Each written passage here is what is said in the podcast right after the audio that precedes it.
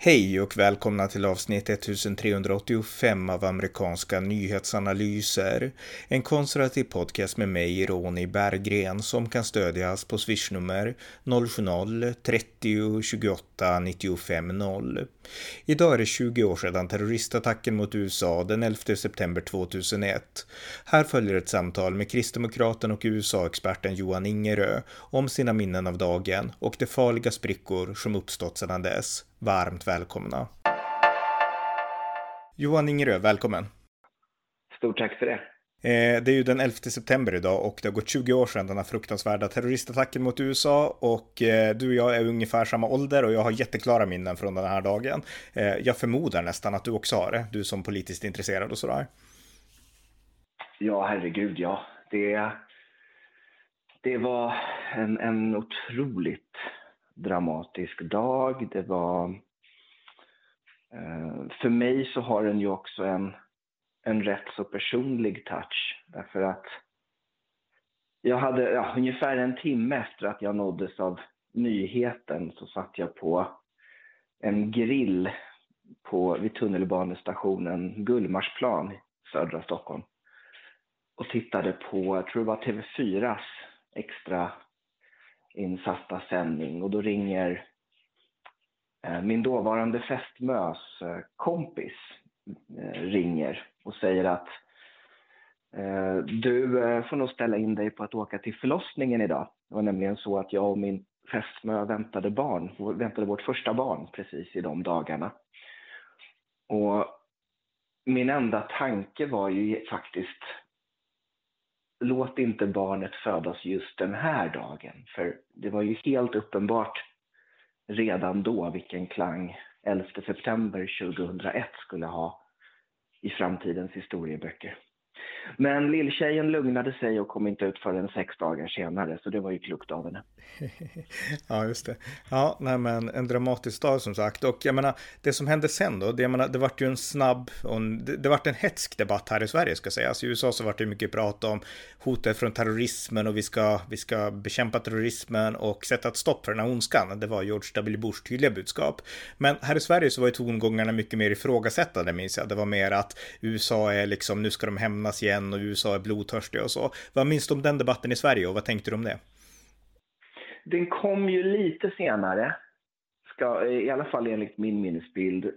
Jag minns, jag kan ha fel, men jag kanske är önsketänker, men jag minns en, en ovanligt stor uppslutning till en början därför att det här var, eh, alltså det var inte långt ifrån historiens första terrordåd mot väst. Men, men, men det var liksom en helt annan nivå. Det var... Eh, jag minns att jag tyckte, jag var ju absolut inget fan av Göran Persson, men jag tyckte att hans framträdanden den 11 september och dagarna efter var oerhört liksom, värdiga och med samlande tyngd. Och eh, han var, i sådana stunder var han ju väldigt skicklig, ska sägas. Mm. Och, eh, men det, det första jag minns som, som var liksom, som jag tyckte var en väldigt konstig reaktion. Det var en Men får jag, får jag inflika, jag, för jag, jag håller med dig, alltså politiskt, politiskt var du, du har helt rätt, alltså politiskt så backade ju Sverige upp i USA, det var väldigt stor sympati och man kände liksom sorg så, så utan tvekan var det så. Jag vill bara inflika att i de här vänster, jag pluggade då, så att i de här vänsterkretsarna var det inte så. Så att det fanns någon distinktion vilken Nej, miljö man befann sig i. Så kan mm. det vara. Så kan det vara. Och eh, jag hade ju förmånen att inte befinna mig i högskolevärlden, så att säga.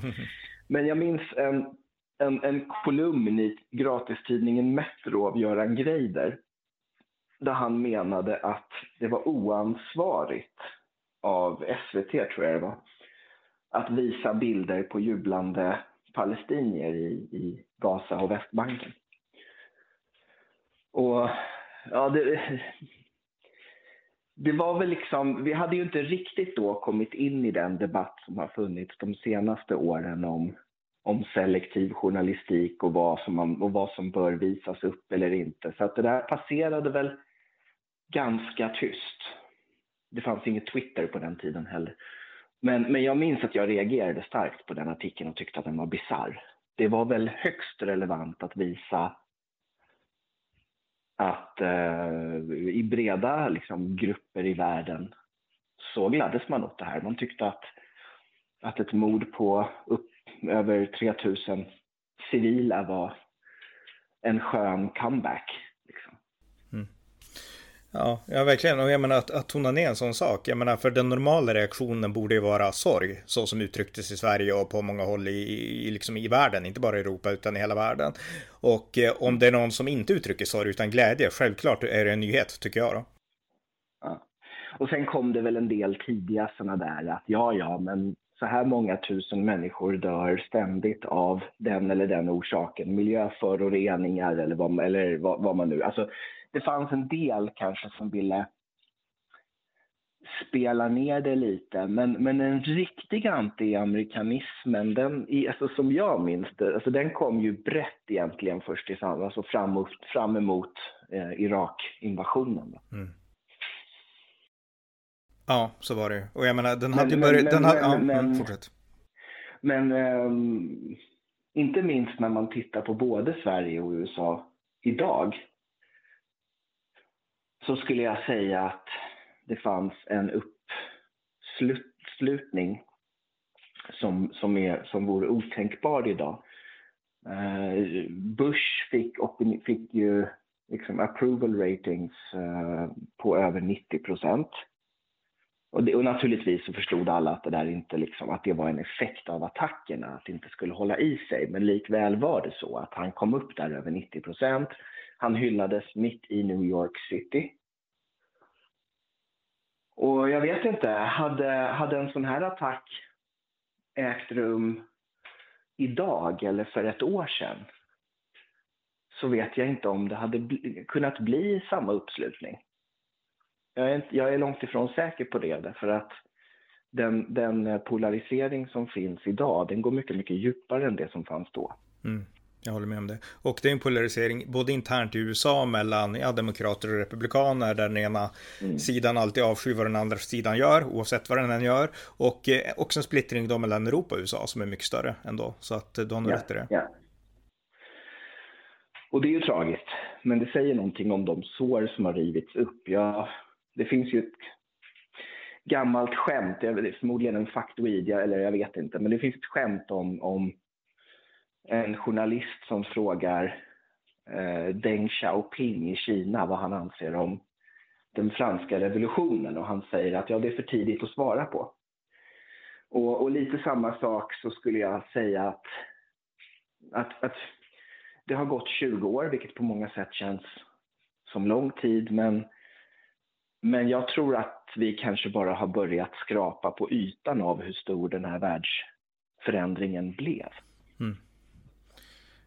Ja, jag håller nog med om det. Men, men jag tänkte också, alltså, du har ju varit i, du har debatterat mot vänsterpartister och sånt här och varit med i den politiska debatten i 20 års tid i princip. Och kanske mer också.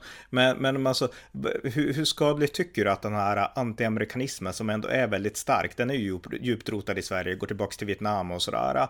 Hur pass allvarlig, hur pass skadlig är den egentligen? Både för den här transatlantiska relationen och för liksom, ja, för västs enhet och framtiden. Jag skulle säga att den är, är, är djupt skadlig. Av flera skäl. Inte för att... Alltså det, blir det är ju sällan dålig stämning om man som europé sitter i en bar i USA och snackar med någon snubbe i truckerkeps där. Det är inte så att det är inte så att det blir något gruff för att man är från varsin kontinent. Men jag tror att det finns en djupare filosofisk skada som eh, Alltså, det, det, som har hänt i, i västvärldens debatt, både i Europa och i USA, de sista tio åren, det är att vi lite grann har lämnat den här offentligt versus privat, höga skatter versus låga skatter debatten, eller den har åtminstone kommit i andra hand, medan vi idag har en mycket mer existentiell debatt som, som märks när vi diskuterar jämställdhet, invandring eller vad det nu kan vara en debatt som i grunden handlar om vilka är vi och vilka, vilken är vår plats i världen och vilken är vår roll i historien.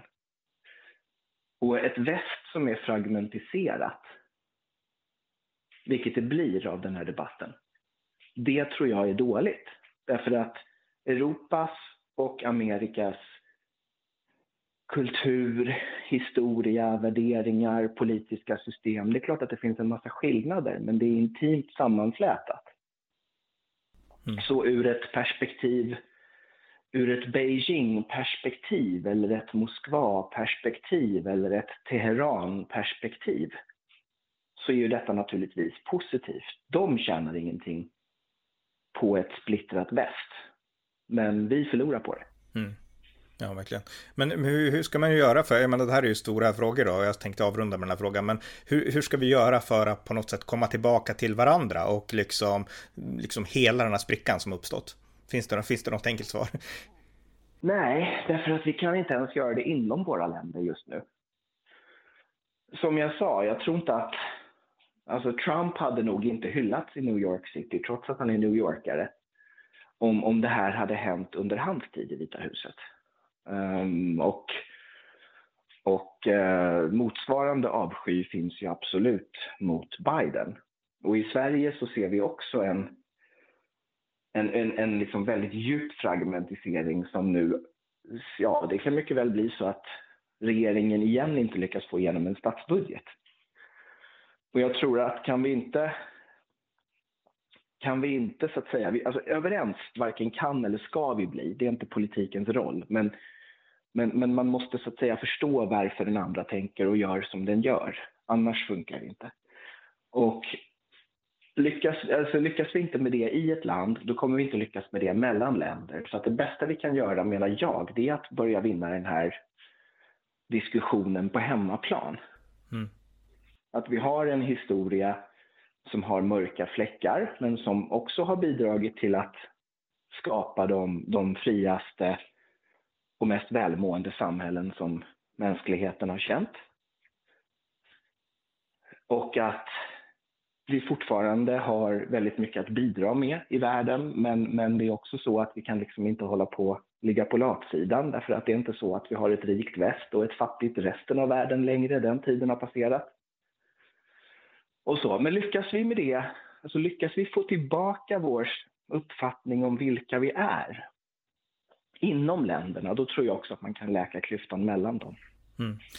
Ser du, ser du, allra sista frågan då, ser du ljust eller negativt på framtiden? Jag menar, det har gått 20 år nu och vi hoppades väl att saker skulle bli, bli bättre, men i mångt och mycket har saker blivit sämre. Vad tror du om nästa 20 år? det är ju en ödets enorma ironi att talibanerna kom tillbaka till makten bara veckor före 20-årsdagen av detta. Och det, det, visar väl lite grann att trots alla de biljoner som har lagts och, och alla de försök som har gjorts och så vidare. Man ska inte säga att det är bortkastat därför att många afghaner, inte minst, har, har kunnat gå i skolan, haft en period av, av så att säga, relativ frihet. Men, ehm, men, men det är klart att tittar man på den här ögonblicksbilden så då blir man ju pessimistisk. Det funkade det, alltså, ambitionerna föll igenom i Irak, de föll igenom i Afghanistan. Men, ehm, men jag, jag tror samtidigt att man ska komma ihåg de ljusglimtar som finns, nya fredsavtal i Mellanöstern eh, och så. Så att i ett långt perspektiv är jag optimistisk, men, men jag tror att det kanske blir värre innan det blir bättre. Mm, just det. Ja, men vad bra, men vi får ändå hoppas på, på det bästa i framtiden och aldrig ge upp hoppet. Det är väl det som är det viktiga, oavsett ja, egentligen vad man går igenom. Men med det sagt så tusen tack för att du tog dig tid. Det här var jätteintressant, så tack så mycket. Så gärna så. Tack själv. Det var avsnitt 1385 av amerikanska nyhetsanalyser. En konservativ podcast om amerikansk politik som kan stödjas på swishnummer 070-30 28 95 0 eller genom att via hemsidan stödja på Paypal, Patreon eller bankkonto. Tack för att ni har lyssnat.